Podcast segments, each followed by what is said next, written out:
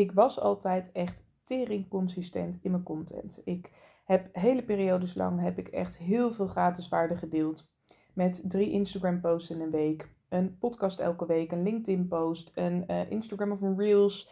Ehm, ik deelde nog een nieuwsbrief elke week. En op een gegeven moment heb ik dat meer losgelaten. Dat paste ook echt in de fase van het ondernemerschap waarin ik toen zat. Dus november 2021 was het moment dat ik op een gegeven moment dacht: ik ben zoveel content aan het produceren.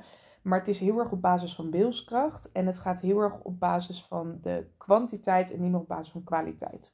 Dus ik heb toen op een gegeven moment bedacht van joh, het enige wat ik, waar ik me echt nog aan committeer is mijn wekelijkse nieuwsbrief, mijn Monday Morning Motivation Mail.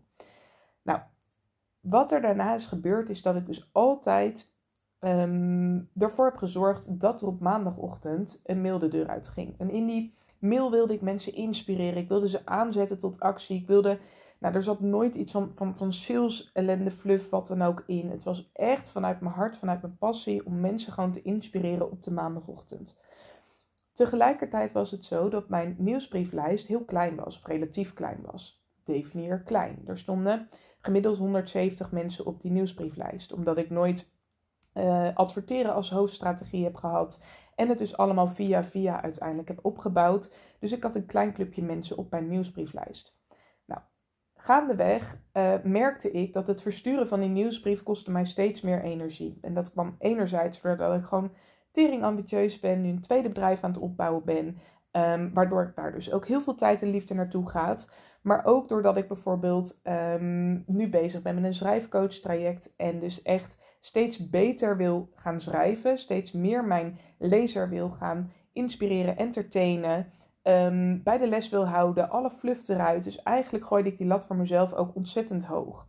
Ik werd enorm bewust onbekwaam van, van waar mijn schrijven eigenlijk, en trouwens ook mijn gesproken tekst, nog veel te veel fluff bevatte. En waar het eigenlijk allemaal concreter kon en to the point. Alles maar eigenlijk om die lezer van mij, um, nou ja, eigenlijk daarvoor voor een feestje te zorgen. Dat als hij echt op maandagochtend mijn mail kreeg, dat ik echt dacht, nou, het moet gewoon voor jou een feestje zijn om dat te lezen.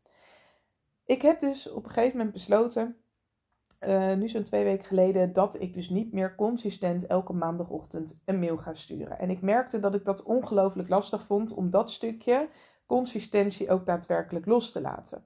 En het kwam eigenlijk door een inzicht wat ik kreeg van een dame die uh, aan de hand van mijn human design ook zei van, weet je, jij bent helemaal niet gemaakt voor consistentie.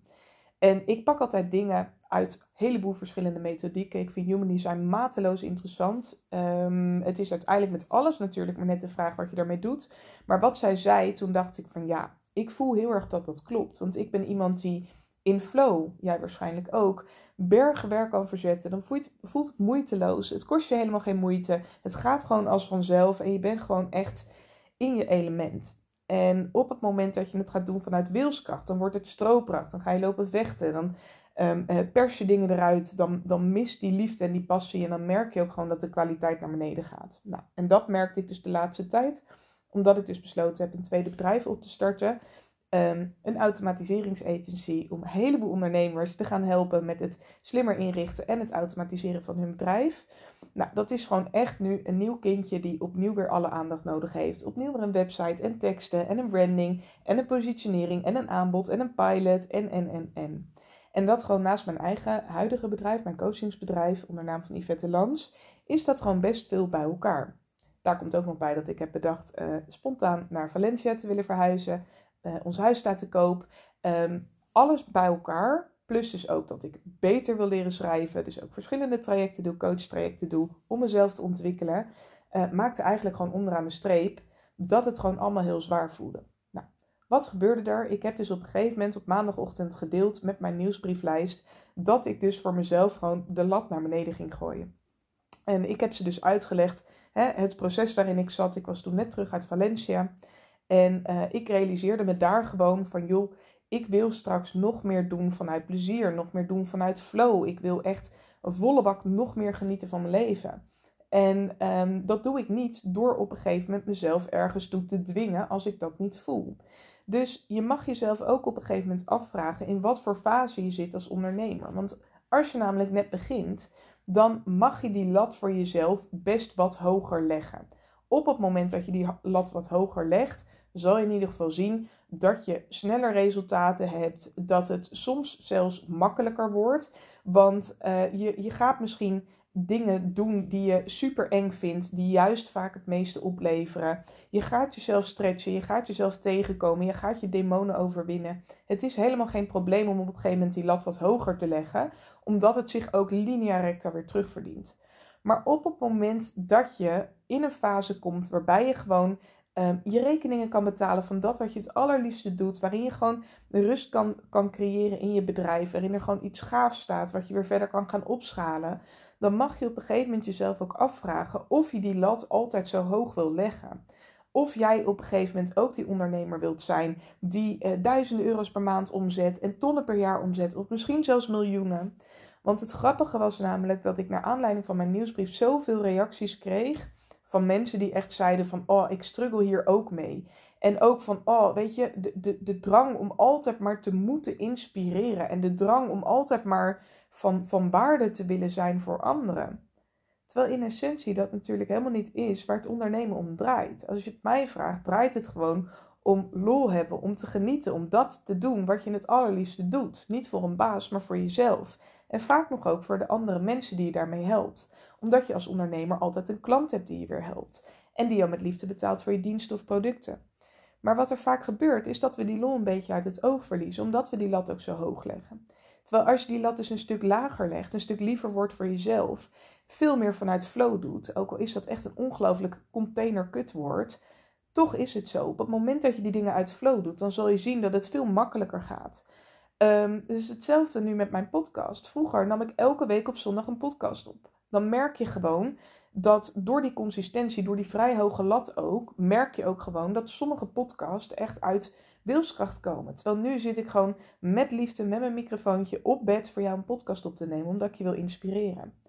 En dan zal je ook merken als je een podcast van mij luistert van vroeger, dat er een hele andere energie in zit, dat er een andere vibe in zit. Dus lieve jij die luistert, je mag die lat echt lager leggen. Je mag echt op een gegeven moment jezelf gaan afvragen: wat gebeurt er als ik die lat eens wat lager leg? Hoeveel zachter word ik? Hoeveel hoger wordt de kwaliteit die ik kan leveren? Hoeveel fijner kan ik het mezelf maken? En als ik het fijner maak voor mezelf, wat voor impact heeft dat dan weer voor de mensen om mij heen?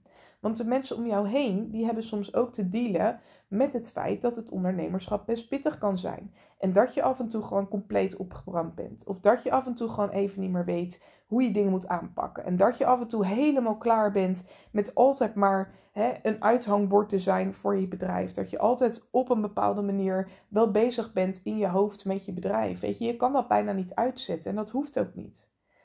Het enige wat je namelijk moet doen is tering lief zijn voor jezelf en fucking veel lol hebben in dat wat je doet. En op het moment dat je dat gaat doen, dan zal je ook zien dat dat magisch is. Dat je vanzelf die klanten aantrekt. Dat je vanzelf veel mooiere content maakt. Dat je vanzelf wil gaan inspireren met dat wat je het allerliefste doet. Dus ik hoop je via deze korte podcast ook echt te gaan inspireren om soms eens gewoon de balans op te maken. Wat voelt zwaar? Wat is echt nodig? Wat is nog steeds nodig in de fase waarin ik zit? En wat was misschien vroeger nodig om aan klanten te komen, maar heb ik vandaag de dag helemaal niet meer nodig? Misschien dat je het jezelf makkelijker kan maken. Als jij niet van geschreven tekst houdt, ga lekker podcasten. Wil je toch die geschreven tekst? Vraag aan een goede copywriter of die briljante post kan maken van jouw podcast. Op het moment dat je heel erg van video houdt, ga lekker video's opnemen. En ga op eenzelfde manier kijken wat je kan uitbesteden. Weet je, maar maak constant voor jezelf de balans op. Word ik hier nog stik gelukkig van?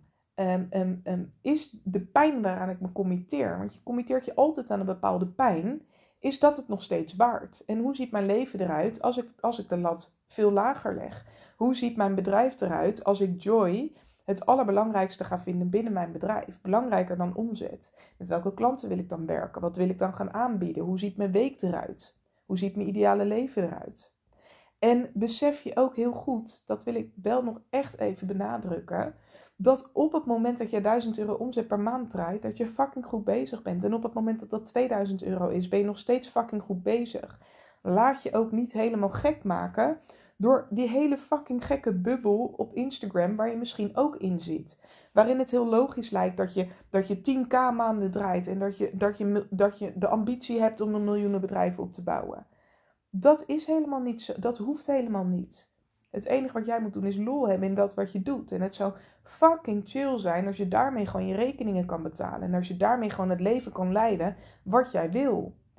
Dus ik wil eigenlijk ook dat je gewoon altijd trots bent op jezelf. Want jij bent wel een van die gekkies die heeft bedacht dat je niet meer in het systeem wil zitten. En dat je 100% verantwoordelijk wil zijn voor je eigen succes en je eigen falen. Want dat is wat je bent als ondernemer.